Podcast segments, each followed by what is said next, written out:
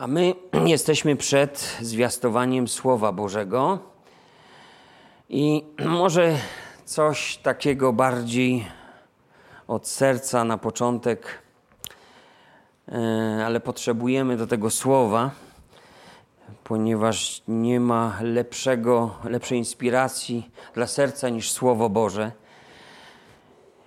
I takie dwa fragmenty chciałbym na początek przeczytać. Pierwszy z nich to jest drugi list Pawła do Tesaloniczan, drugi rozdział, 16-17 werset. A sam Pan nasz Jezus Chrystus i Bóg, Ojciec nasz, który nas umiłował i dał pocieszenie wieczne i dobrą nadzieję z łaski, niech pocieszy serca wasze i utwierdzi was we wszelkim dobrym uczynku i w dobrym słowie.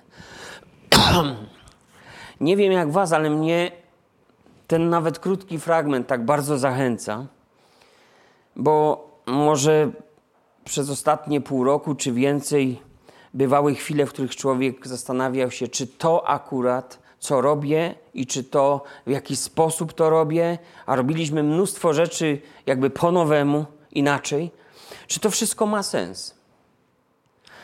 Albo czy to, co mówimy i gdzieś idzie w eter, tam daleko, i nie znamy nawet owoców tego, czy to wszystko ma sens? I znajduję w tych słowach właśnie to pocieszenie. Pan Jezus Chrystus umiłował nas i dał pocieszenie wieczne. Ale On też przynosi takie pocieszenie, nazwałbym je chwilowe, takie na właściwy czas, na właściwy moment. Pewnie wielu z Was doświadczyło czegoś takiego, co nazwalibyśmy pocieszeniem. I drugi tekst, który chciałbym przeczytać, jest w drugim liście apostoła Pawła do Koryntian. Jest to pierwszy rozdział.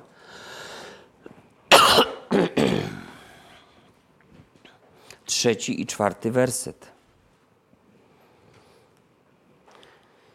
Błogosławiony niech będzie Bóg i Ojciec Pana naszego Jezusa Chrystusa, Ojciec miłosierdzia i Bóg wszelkiej pociechy, który pociesza nas we wszelkim utrapieniu naszym, abyśmy tych, którzy są w jakimkolwiek utrapieniu, pocieszać mogli taką pociechą, jaką nas sam Bóg pociesza. Przede wszystkim możemy pocieszać się pocieszeniem wiecznym. Cóż jest lepszego niż dobra nowina?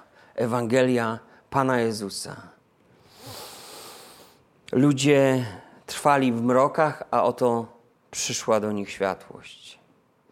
No nie ma lepszego obrazu, aby ukazać tą zmianę, tą odmianę rzeczywistości życia ludzkiego.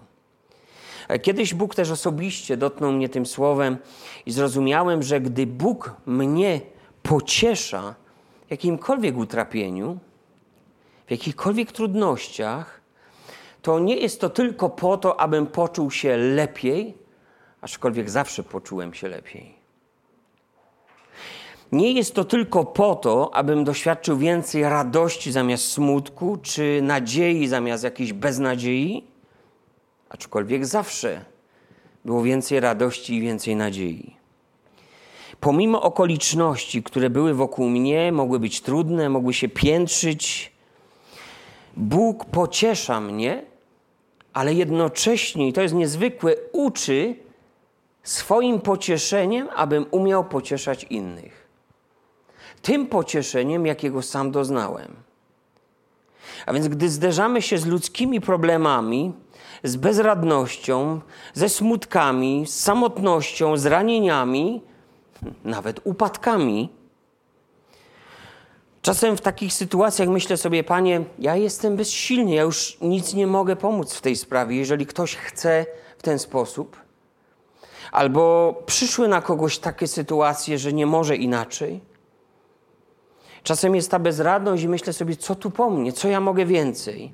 I właśnie wtedy przychodzi takie Boże objawienie, posilenie też, gdzie Bóg mówi: Możesz pomóc. Zobacz, możesz pomóc taką pociechą, jakiej sam doznałeś, sama doznałaś. bo ja kiedyś Cię pocieszyłem. Ja kiedyś do Ciebie przyszedłem, pamiętasz?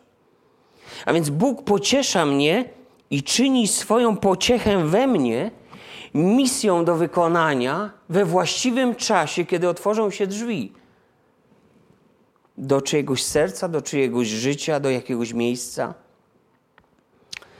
Jeśli doświadczyłeś samotności, pocieszył Ciebie Bóg, to pocieszaj samotnego tą pociechą, której doświadczyłeś. Jeśli byłeś chory, chora i ktoś pocieszał Cię, tak jak potrafił, no nie był lekarzem, ale był człowiekiem, który ma kolana i mógł się modlić, to teraz Ty pocieszaj chorego i strapionego i módl się. Jeśli stałeś w obliczu jakiegoś problemu, a może Bóg właśnie wtedy posłał kogoś, kto był z Tobą i przechodził przez ten Twój problem razem z Tobą, to pocieszaj teraz kogoś, kto będąc w podobnej sytuacji, może liczyć właśnie na Ciebie, na Twoje zrozumienie. O wiele głębsze niż kogoś, kto, kto może nie przeżył tego, co Ty. Jeśli byłeś smutny, jeśli upadłeś, jeśli się bałeś i przyszło pocieszenie, no to powiem mocniej, nie bądźmy egoistami. Bóg mówi: Nie uczyniłem tego wyłącznie dla Ciebie. Ale w tym wszystkim, w czym nas Bóg pociesza, możemy być pocieszeniem dla innych ludzi.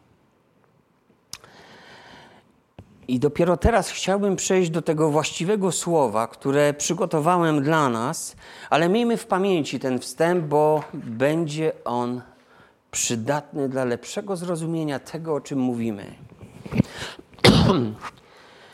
A taką bazą dla nas, takim źródłem podstawowym słowa, które mam dla nas wszystkich, to jest list apostoła Pawła, do Filipian.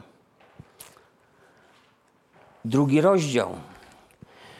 Od pierwszego do jedenastego wersetu. Przeczytajmy w imieniu Pana Jezusa Chrystusa.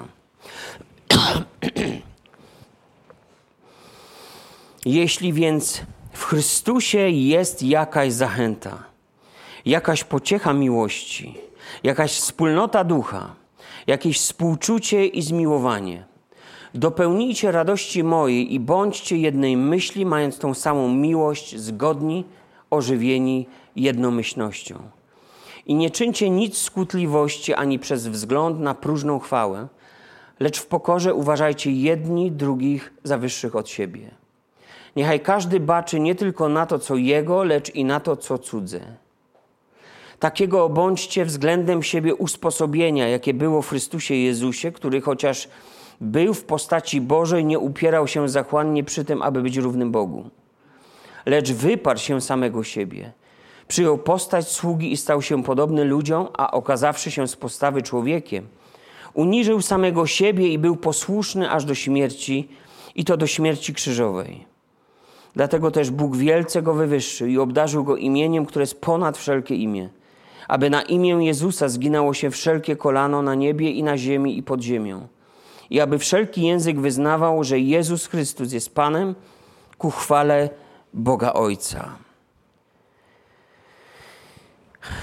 A więc w tej, nazwijmy to może, bożonarodzeniowej atmosferze, skłońmy się głębiej do pewnej refleksji nad tym pocieszeniem wiecznym, które stało się ciałem i zamieszkało wśród nas.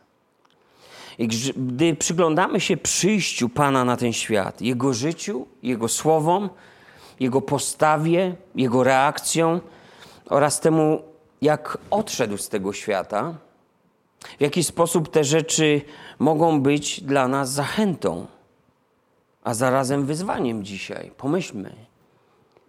Jeśli jest jakaś zachęta w Chrystusie, jakieś pocieszenie, mówi apostoł Paweł.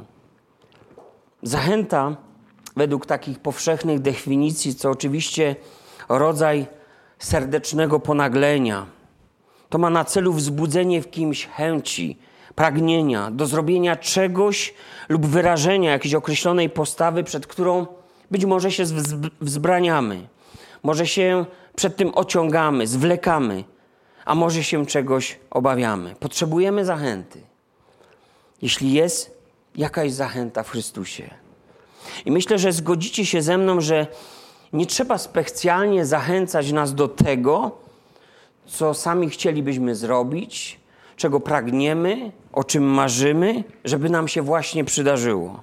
Nie trzeba nikogo pchać wołami w kierunku jego własnych marzeń czy spełnionych ambicji. Ale jak wiele rzeczy jest, do których trzeba by nas popchać, zachęcić.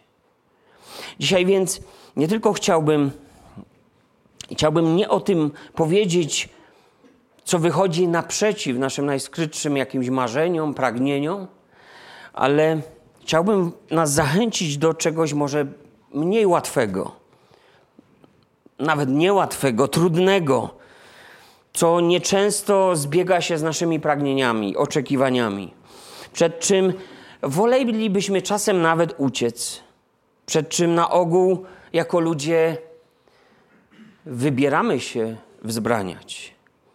Czy jest więc jakaś zachęta w Chrystusie? Oczywiście, że jest. I wiedział dobrze o tym apostoł Paweł. Wiedzieli o tym wierzący zborów Filipi, do których ten list napisał, i oni pierwsi usłyszeli odczytywane słowa Pawła. I my też, myślę, powinniśmy być świadomi tego, do czego jesteśmy zachęceni. I może najpierw przyjrzyjmy się Chrystusowi, samemu Chrystusowi, aby tą zachętę zrozumieć i to wyzwanie dla nas rzucone tutaj odkryć. A więc pomijmy na chwilkę cztery wersety. Zobaczmy od piątego. Czytam, że, czy też od szóstego, że on wyparł się samego siebie, że był w postaci Bożej nie upierał się zachłannie, przy tym, aby być równym Bogu, lecz wyparł się samego siebie. Był w postaci Bożej. Co to oznacza? To znaczy, że posiadał wszystkie, wszelkie atrybuty i cechy bóstwa. Gdy apostoł Jan ukazuje Jezusa jako Syna Bożego, wielokrotnie stara się przedstawić Go jako dokładne odbicie Ojca. Kto mnie widział, widział Ojca, padają wprost słowa Jezusa. I ta Ewangelia, od której zaczęliśmy to nabożeństwo, przedstawia Pana Jezusa przez pryzmat na przykład siedmiu cudów, które w istocie są znakami, wskazówkami ukazującymi manifestację imienia Bożego. Bóg z nami, Immanuel. To jest manifestacja Bożej natury, Bożego pochodzenia. Jezus co najmniej siedem razy powiada w różnych okolicznościach do ludzi: Ja jestem. I przedstawia się w sposób nawiązujący do mocy i działań samego Boga, który niegdyś wyprowadził Izraela z wielkiej niewoli, który niegdyś przedstawił się samemu Mojżeszowi słowami: Jestem, który jestem i który w cudowny sposób przeprowadził swój lud przez niszczycielską pustynię. Nowy Testament przedstawia go w wyjątkowy sposób. W pewnym miejscu jako kapłana Melchizedeka, króla Salemu, starohebrajska nazwa jest to Jerozolimy. I czytam w liście do Hebrajczyków, siódmy rozdział. Abraham zaś dał dziesięcinę mu ze wszystkiego. Imię jego znaczy najpierw król sprawiedliwości, następnie król Salemu. To jest król pokoju, bez ojca, bez matki, bez rodowodu, nie mający ani początku dni, ani końca życia, lecz podobny do Syna Bożego pozostaje kapłanem na zawsze. Jezus w pewnym momencie sam powiada: Zaprawdę, zaprawdę. Powiadam wam, pierwej niż Abraham był, jam jest. To jest Ewangelia Jana 8, rozdział 58, werset. Czy ktoś mógłby mieć po tym wszystkim jeszcze jakieś wątpliwości na temat tego, kim jest Jezus Chrystus? Skąd przyszedł, jakie jest jego pochodzenie, natura? Jezus posiadł w sobie wszystko to, co jest obiektem czci i uwielbienia. Odwiecznie było to w nim. W nim mieszkała cała pełnia boskości. Był tym, który przyjmuje wszelką chwałę od stworzenia. Był tym, który odwiecznie siedział na tronie, panował nad wszelką żywą istotą. Sprawca całego stworzenia, alfa, omega, wszechmogący, wszechjedzący. Tak mówi o nim Biblia. Ujrzeliśmy chwałę Jego, chwałę, jaką ma jedyny Syn od Ojca. Czytaliśmy Ewangelii Jana, pierwszy rozdział, czternasty werset. Pan i Bóg.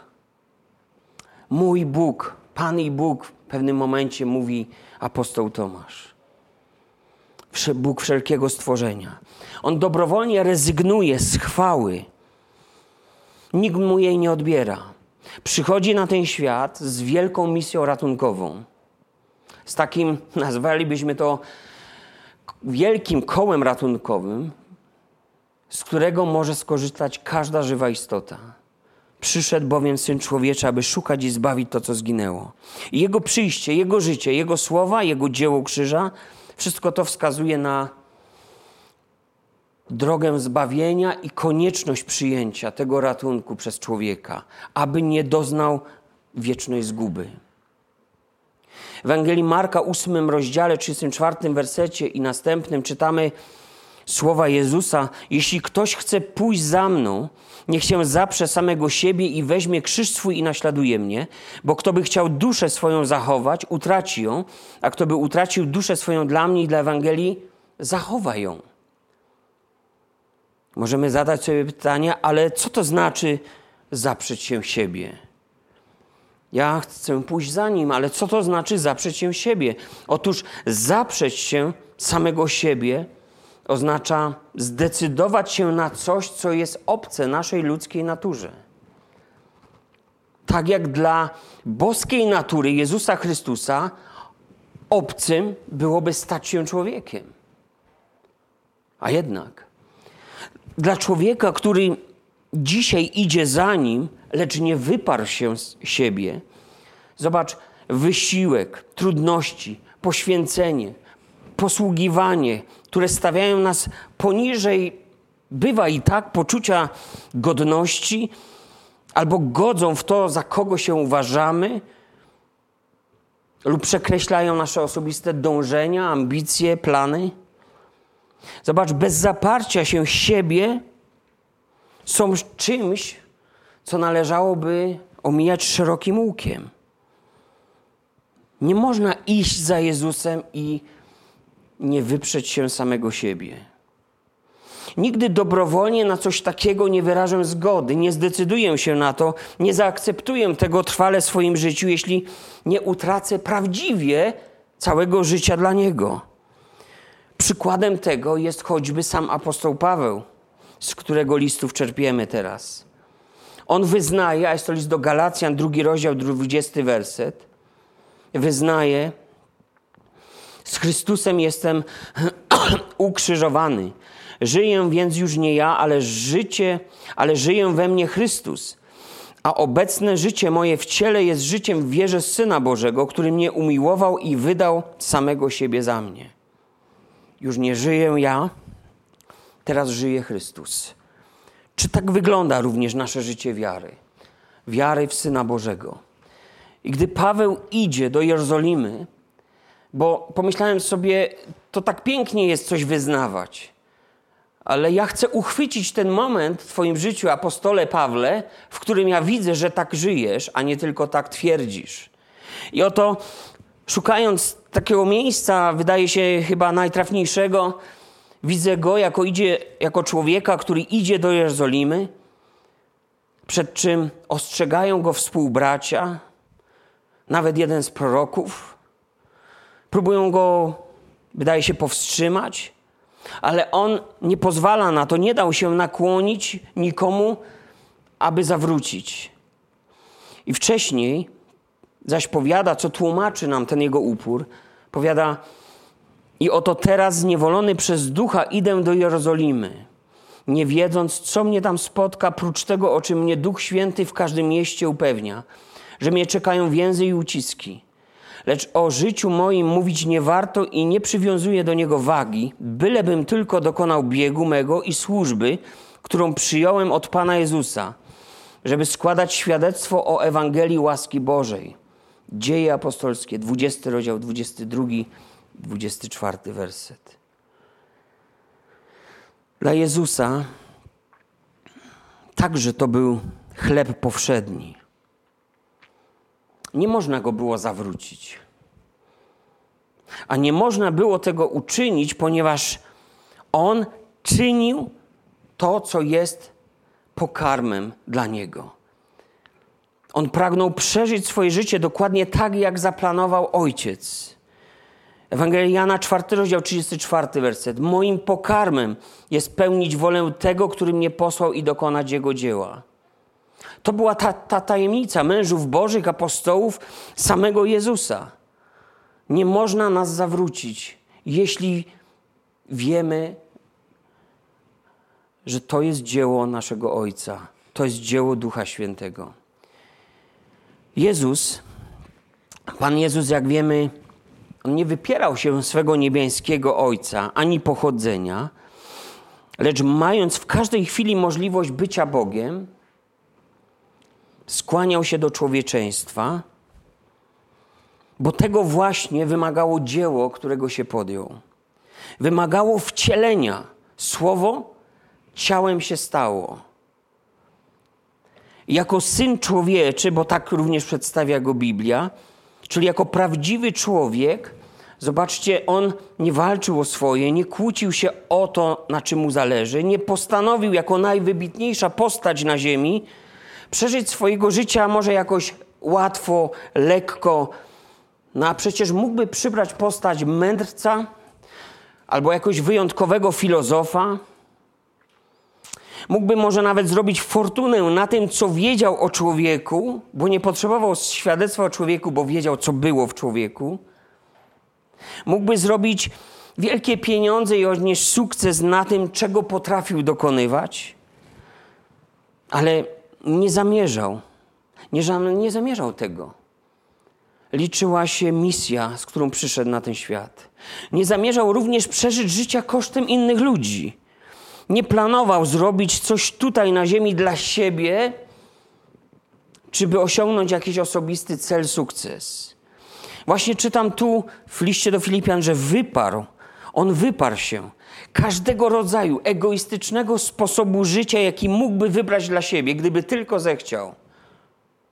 I to, że wyparł się samego siebie, oznacza, że zdecydował się poświęcić swoje życie temu, co zaplanował dla niego Ojciec w niebie. Chociaż był synem Bożym, stał się synem człowieczym. Pan Jezus chce, abyśmy go naśladowali, lecz za tym stoi konieczność dobrowolnego podjęcia decyzji, by się zaprzeć siebie. Później dopiero jest to wzięcie krzyża i naśladowanie. I mamy to czynić codziennie, powiada ewangelista Łukasz. Lecz nikt nie jest w stanie udźwignąć swojego krzyża, jeśli wpierw nie zrezygnował z siebie. To, to jest po prostu niemożliwe. Zbyt wiele walk, zbyt wiele bitew o te swoje pragnienia i marzenia i takie ziemskie, chwilowe cele. Nas czeka, jeśli nie potrafimy zaprzeć się samego siebie, a krzyż, a jakże chętnie byśmy ponieśli. Dlatego chciałbym zachęcić nas właśnie do czegoś, co nie jest łatwe. Zrezygnuj najpierw z siebie dla Chrystusa, a odzyskasz siebie w Chrystusie. Wtedy uniesiemy swój krzyż, a życie stanie się może zupełnie nowym, nieznanym dotąd doświadczeniem. To będzie miłe i lekkie, bo Pan Jezus zaprasza wszystkich utrudzonych, spracowanych, aby wzięli na siebie jarzmo, Jego jarzmo i zapewnia o odpocznieniu i zapewnia, że jest to miłe, dobre, lekkie że damy radę.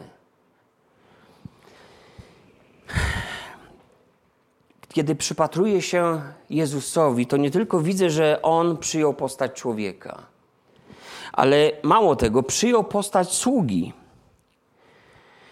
Jezus tak naprawdę poświęcił sporo czasu, aby nauczyć uczniów tej prawdy, że nie są tutaj po to, żeby wokół nich coś się kręciło. Nie są tu dla jakichś laurów, dla uznania,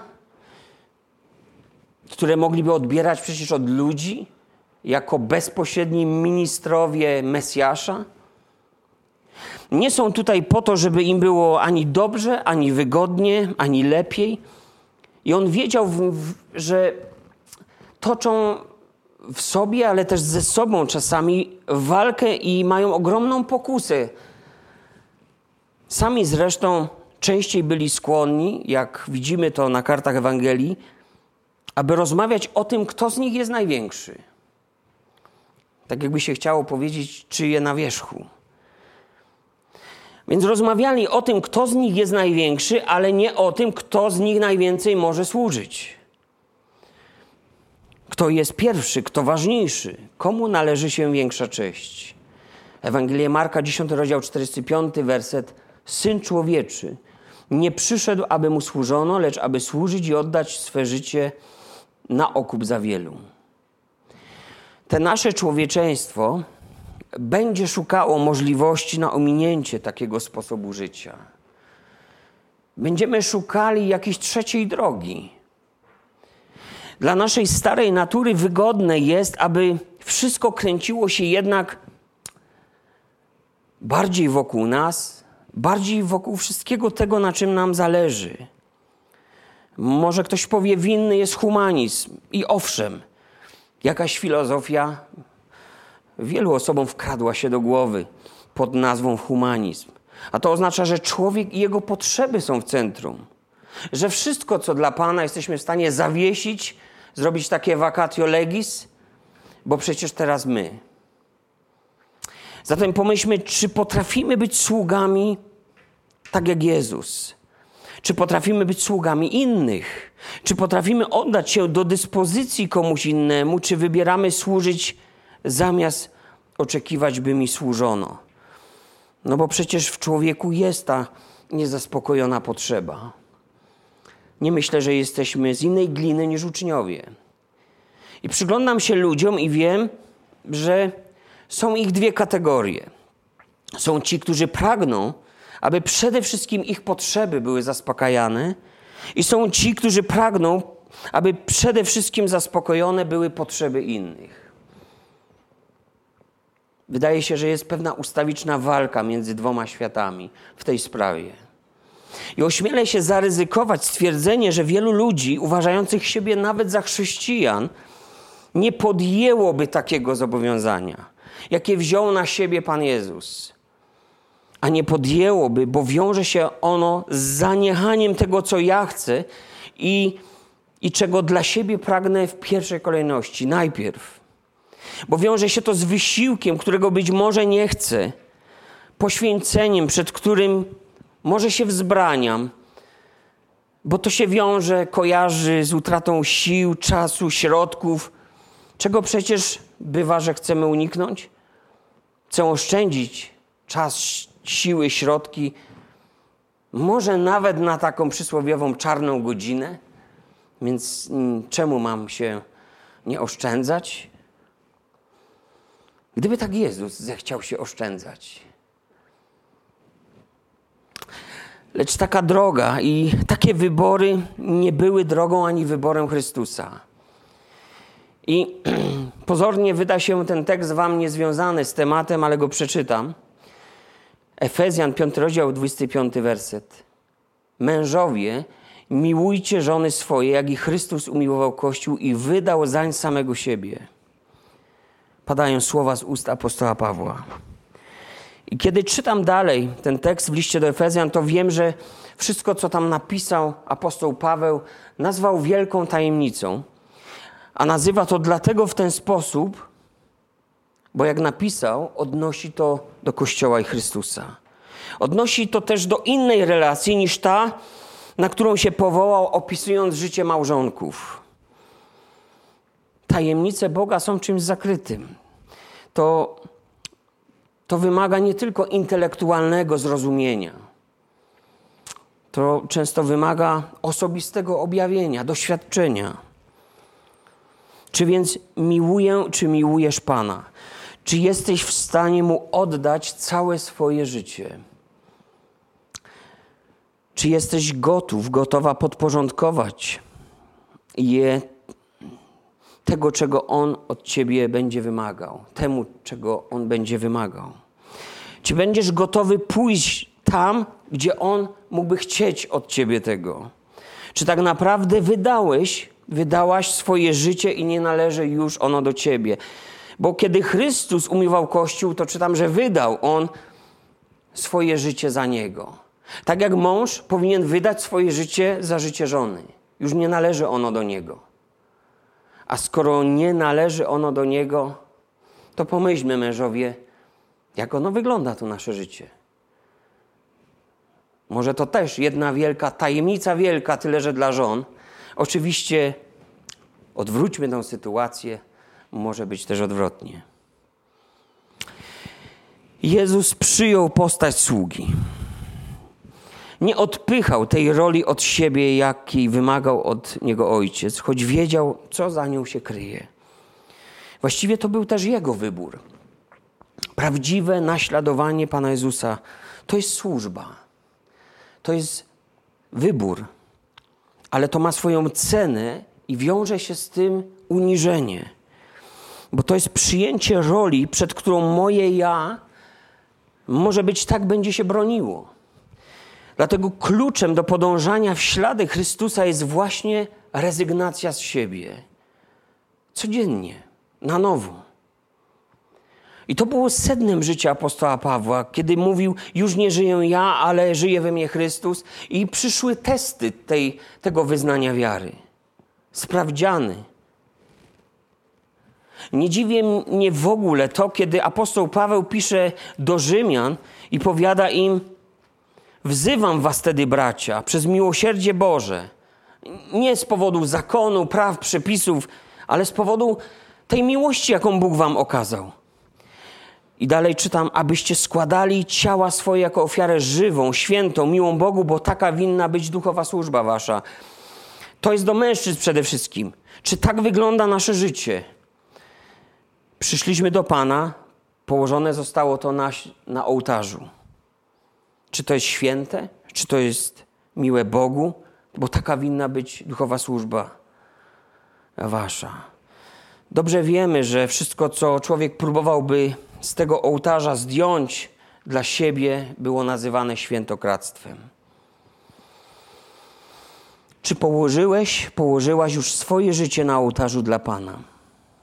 Czy jesteśmy tą żywą ofiarą? I czytam dalej, idąc w ślady Jezusa, w ślady tego, co o nim napisał w liście do Filipian, apostoł Paweł, że Jezus, będąc synem Bożym, stał się nie tylko człowiekiem, ale staje w pozycji najniższej z możliwych sługa. Z języka greckiego, w którym napisano Nowy Testament, dulos, a więc niewolnik. Wolny, a jednak dobrowolnie poddający się woli Ojca, decydujący się na całkowite poniżenie w relacji do swojej niebiańskiej godności, a nawet w relacji do innych ludzi.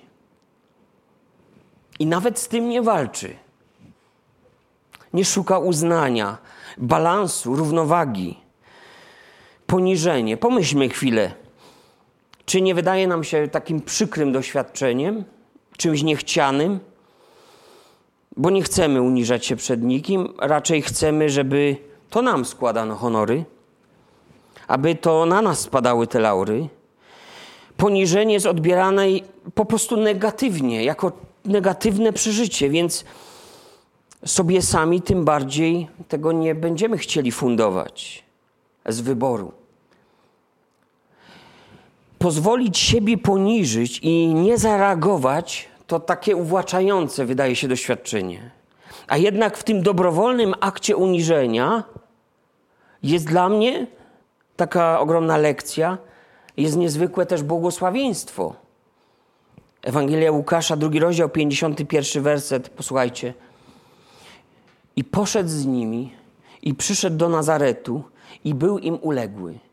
A matka jego zachowywała wszystkie te słowa w sercu swoim, Jezusowi zaś przybywało mądrości i wzrostu oraz łaski u Boga i u ludzi. Patrzę na to, na tą uległość, na to uniżenie i myślę sobie, że to ma swoją zapłatę. To ma swoją cenę, ale to ma też swoją zapłatę. W tej roli przybywało Jezusowi mądrości, wzrostu i łaski. I myślę tak, że chrześcijanie, którzy poddają się innym, co Biblia może nazywa też bycie członkami jedni drugich, bo przecież jeden drugiemu służymy, to oni również nabywają mądrości, wzrastają duchowo, budują się, obfitują w łaskę, która nie tylko spływa na nas z nieba, ale zobaczcie, także od innych ludzi. Jezus uniżył siebie wobec nas wszystkich i my to widzimy. Wobec tych, którzy wydali się sobie we własnych oczach dobrzy i zrobił to wobec tych złych, zrobił to wobec wdzięcznych i niewdzięcznych, religijnych i niemoralnych, bogatych i ubogich. Uniżył się. I mało tego, czytamy, że stał się okupem. On stał się okupem za wielu, bo przecież niezależnie od tego, kto kim jest i kto co o sobie twierdzi, wszyscy zgrzeszyli brakiem chwały Bożej. Mamy to w liście do Rzymian, trzeci rozdział, 23 werset. A więc zapłacił cenę, najwyższą cenę, swoim życiem za życie nasze. I tu się nie wydarzyło nic dlatego, że on coś musiał, że go to do tego zobligowano, zapędzono w kozi róg, namówiono, przymuszono wbrew jego woli, albo że nie miał możliwości się od tego po prostu wymigać. Ja czytam w Słowie Bożym, że on to wybrał. Ewangelia Jana, 10 rozdział 17 werset i dalej mówi: Dlatego Ojciec miłuje mnie, iż ja kładę życie swoje, aby je znowu wziąć. Nikt mi go nie odbiera, ale ja kładę je z własnej woli, mam moc dać je i mam moc znowu je odzyskać. Taki rozkaz wziąłem od Ojca mego. Niezwykłe życie, niezwykłe słowa, niezwykły wzór, przykład. Co z tego wynika dla mnie? Co z tego wynika dla Ciebie? Spójrzmy, Pan Jezus dobrowolnie wyparł się samego siebie, dobrowolnie przyjął postać sługi, dobrowolnie się uniżył i dobrowolnie również zapłacił najwyższą cenę. To jest droga naśladowania Chrystusa. I to jest droga wyznaczająca kierunek do chwały. Boże Słowo wzywa więc każdego z nas osobna, przypominając, że On, 2 Koryntian 5 rozdział 15 werset, że On umarł za wszystkich, aby ci, którzy żyją, już nie dla siebie samych żyli, lecz dla tego, który za nich umarł i został wzbudzony. Pan Jezus jest naszą ogromną zachętą. Lecz ta zachęta, jak widzimy, jest też ogromnym wyzwaniem. Wyzwaniem, które nie każdy być może będzie chciał podjąć i nie każdy ma tego objawienie. Choć nasz intelekt wierzy, że pracuje dobrze i rozumiemy o co chodzi. Ale czy ta implementacja ma miejsce w naszym życiu? Czy kiedy mówimy tak, ja oddałem moje życie Jezusowi Chrystusowi, czy to ma zastosowanie w naszym życiu? Zauważmy, do czego Jezus nas zachęca. I teraz chcę na koniec powrócić do tych pominiętych czterech wersetów listu do Filipian. Jaka jest zachęta w Chrystusie? Przykład już wiemy, a więc powróćmy do tego. Jaką zachętę masz w nim do tego, aby nieść innym pociechę miłości? Jaką zachętę w Chrystusie widzisz do tego, aby mieć z innymi prawdziwą wspólnotę ducha? Jaką zachętę od Niego masz, żeby współczuć cierpiącym i miłosiernym, być zainteresowanym więc przeżyciami, doświadczeniami innych ludzi? Czy to jest tak, że my przyjmujemy pociechę od Boga, ale ta pociecha od Boga już nie wychodzi z nas? A przecież tak zaczęliśmy zwiastowanie abyśmy pocieszali innych tą pociechą, jaką sami zostaliśmy pocieszeni. Jaką zachętę w nim widzisz dla siebie, Na przykład, żeby nie kłócić się, nie toczyć sporów o rzeczy małej wagi, a raczej by być jednej myśli, szukać jedności zdania, by być jednomyślnym, czytamy złączonym ze sobą jednomyślnością i w ten sposób doświadczając cudu ożywienia, może takiego zagrzewania do współpracy, do wspólnego dzieła. Były takie dwie siostry, które się nie rozumiały, Ewodia i Syntycha. Wcześniej były poświęcone Ewangelii, ale coś zgrzytało i nie mogły już dalej. Więc Paweł i im usługuje, i tym dwóm siostrom. Jednomyślność wzmacnia więzi, zachęca do wspólnego dzieła, a przecież jest cel ten sam Ewangelia. Jaką masz, mamy zachętę od Jezusa, żeby nie stawiać na swoim, nie walczyć o swoją wyższość, nie, nie walczyć o to, by czasem nie doznać uszczerbku na tej swojej chwale? Jaką masz zachętę, patrząc na życie Jezusa, aby być pokornym i widzieć zawsze innych wyżej od siebie, szanując ich ze względu na Chrystusa? Jaką widzisz w nim zachętę do tego, by stawiać sprawy innych, czyli to, co cudze, jak tam czytamy, jako co najmniej tyle samo znaczące i tyle samo wartościowe, a najlepiej jako wyższe niż to, co moje? Ja wiem, że my wciąż uczymy się, że wielu z nas czuje te słowa i za nimi chce podążać, ale jesteśmy w drodze. Ale pomyślmy to, czy na pewno jesteśmy w drodze. Pomyślmy o tym. Bądźmy dla siebie takimi, jakim dla nas okazał się Chrystus. A więc bądźmy pocieszeniem, bo doświadczaliśmy pocieszenia. Takiego względem, takiego bądźcie względem siebie usposobienia, jakie było w Chrystusie Jezusie. Filipian 2 rozdział 5 werset, powtarzam to, co czytaliśmy. I kiedy patrzę na słowo usposobienie, według po prostu języka polskiego, słownika, to widzę, że to jest zbiór cech charakteru człowieka. Sposób jego zachowywania się, reagowania, to jego temperament, ambicje, natura, zgodnie z którymi utrzymuje więzi, działa, planuje, wytycza sobie drogę, cel, usposobienie. I może jeszcze nie mogę, nie możesz powiedzieć, że masz jego usposobienie. Ja też jeszcze patrzę na swoje życie i nie mogę powiedzieć, że mam już jego usposobienie. Jakbym już tak pomyślał sobie choć trochę, a może jest jakiś brat, który sobie tak trochę pomyśli o sobie, to spójrz teraz na swoją żonę. I niech się wasze oczy spotkają i już wiesz, jakie jest twoje miejsce. Już wiesz, jaki jesteś ty ci.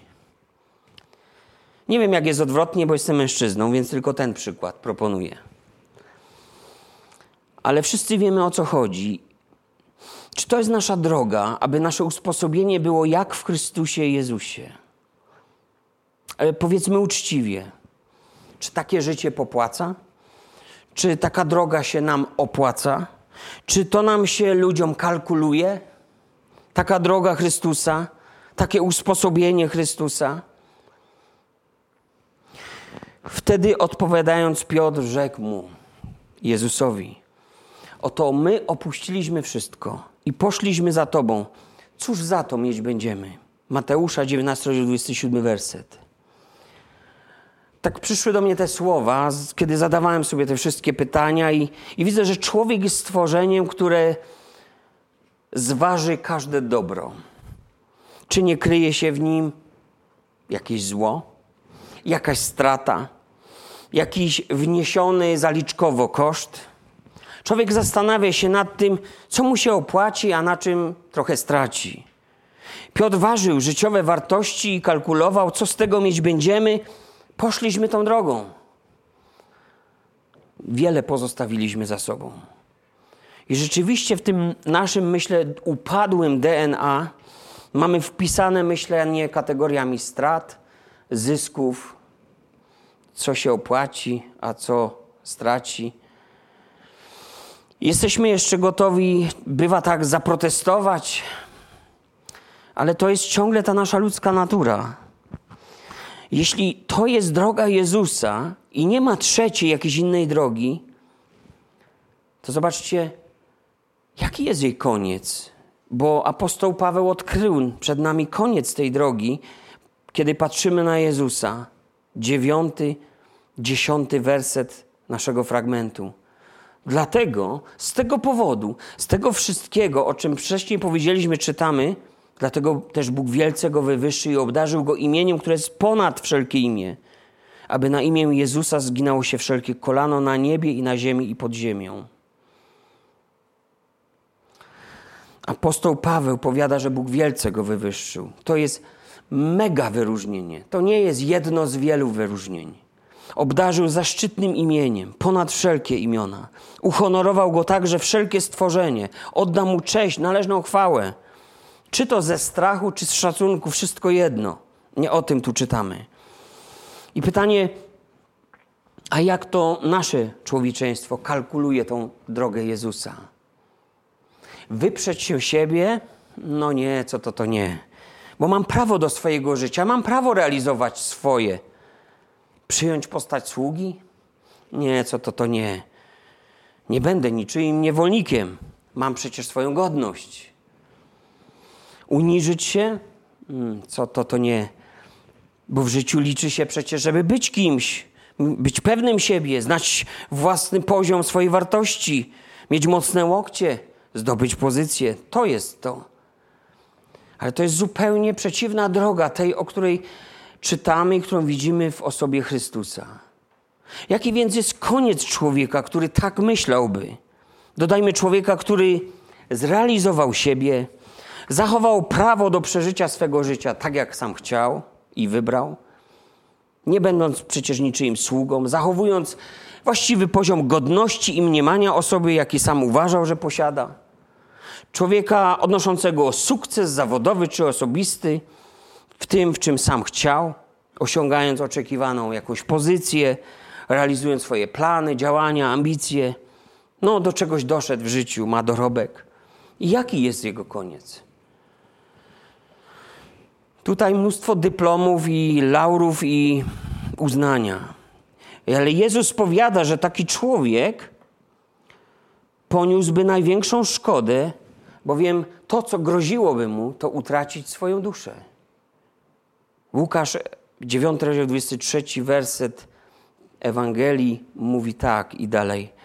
I powiedział do wszystkich, jeśli kto chce pójść za mną, niechaj się zaprze samego siebie i bierze krzyż swój na siebie codziennie i naśladuje mnie. Kto bowiem chce zachować duszę swoją, straci ją. Kto zaś straci duszę swoją dla mnie, ten ją zachowa. Bo cóż pomoże człowiekowi, choćby cały świat pozyskał, jeśli siebie samego zatraci lub szkodę poniesie? Kto bowiem wstydzi się mnie i moich słów, tego i Syn Człowieczy wstydzić się będzie, gdy przyjdzie w chwale swojej i Ojca i aniołów świętych.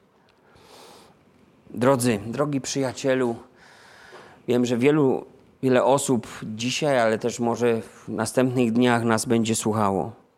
Przyjmijmy zatem tą zachętę jako pewne serdeczne przynaglenie, jako może też wyzwanie, wyzwanie do życia, które chociaż wydaje się na pierwszy rzut oka pasmem osobistych strat, a może nawet upokorzeń, może nawet tak się nam to jawi, czymś przed czym na ogół w pierwszej chwili byśmy się wzbraniali.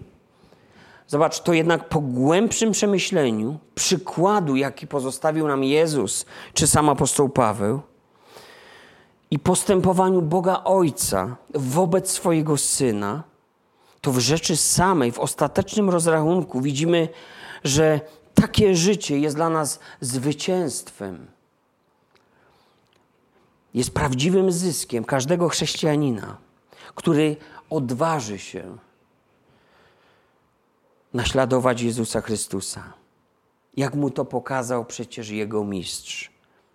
A więc, czy odważymy się, czy odważysz się być jak Twój mistrz? Czy podążysz w jego ślady? Jest ku temu wielka zachęta w Jezusie Chrystusie.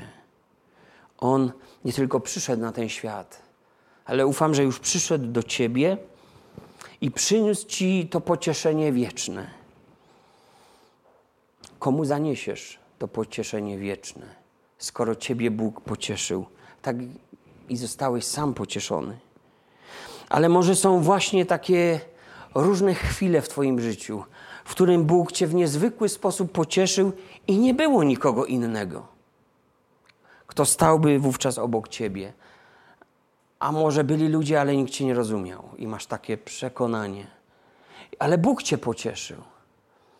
Niech to, drodzy, będzie też ten bożonarodzeniowy poranek dla nas pewnym wyzwaniem. Może czeka nas uniżenie, może czeka nas podróż do miejsc, które niespecjalnie nam się dobrze kojarzą, ale trzeba zanieść to pocieszenie tym, którzy go potrzebują, skoro Bóg nas pocieszył. Kończąc, chciałbym życzyć sobie, ale i nam, abyśmy doznawali zachęty, abyśmy nie tylko o niej wiedzieli. Ja czasem mówię z kazalnicy, ty przestań zgadzać się ze mną. Ty doświadczaj tych słów, Słowa Bożego. Bo ja nie chcę w życiu się tylko zgadzać. Ja nie chcę w życiu tylko rozumieć. Ja nie chcę w życiu tylko wiedzieć. Ale ja chcę mieć osobiste doświadczenie Pana i ten cały rok naprawdę mi bardzo wiele pokazał. Że jest różnica między poznaniem a doznaniem, a potrzebujemy i tego, i tego. I niech Pan Bóg daruje w Chrystusie Jezusie nam wiele, wiele poznania i takiej zachęty, która przekuje się w osobiste doświadczenie i w misję dla innych. Bądźcie, kochani, błogosławieni tym właśnie słowem, ten dzisiejszy poranek. Zaśpiewajmy wspólnie pieśń. Amen.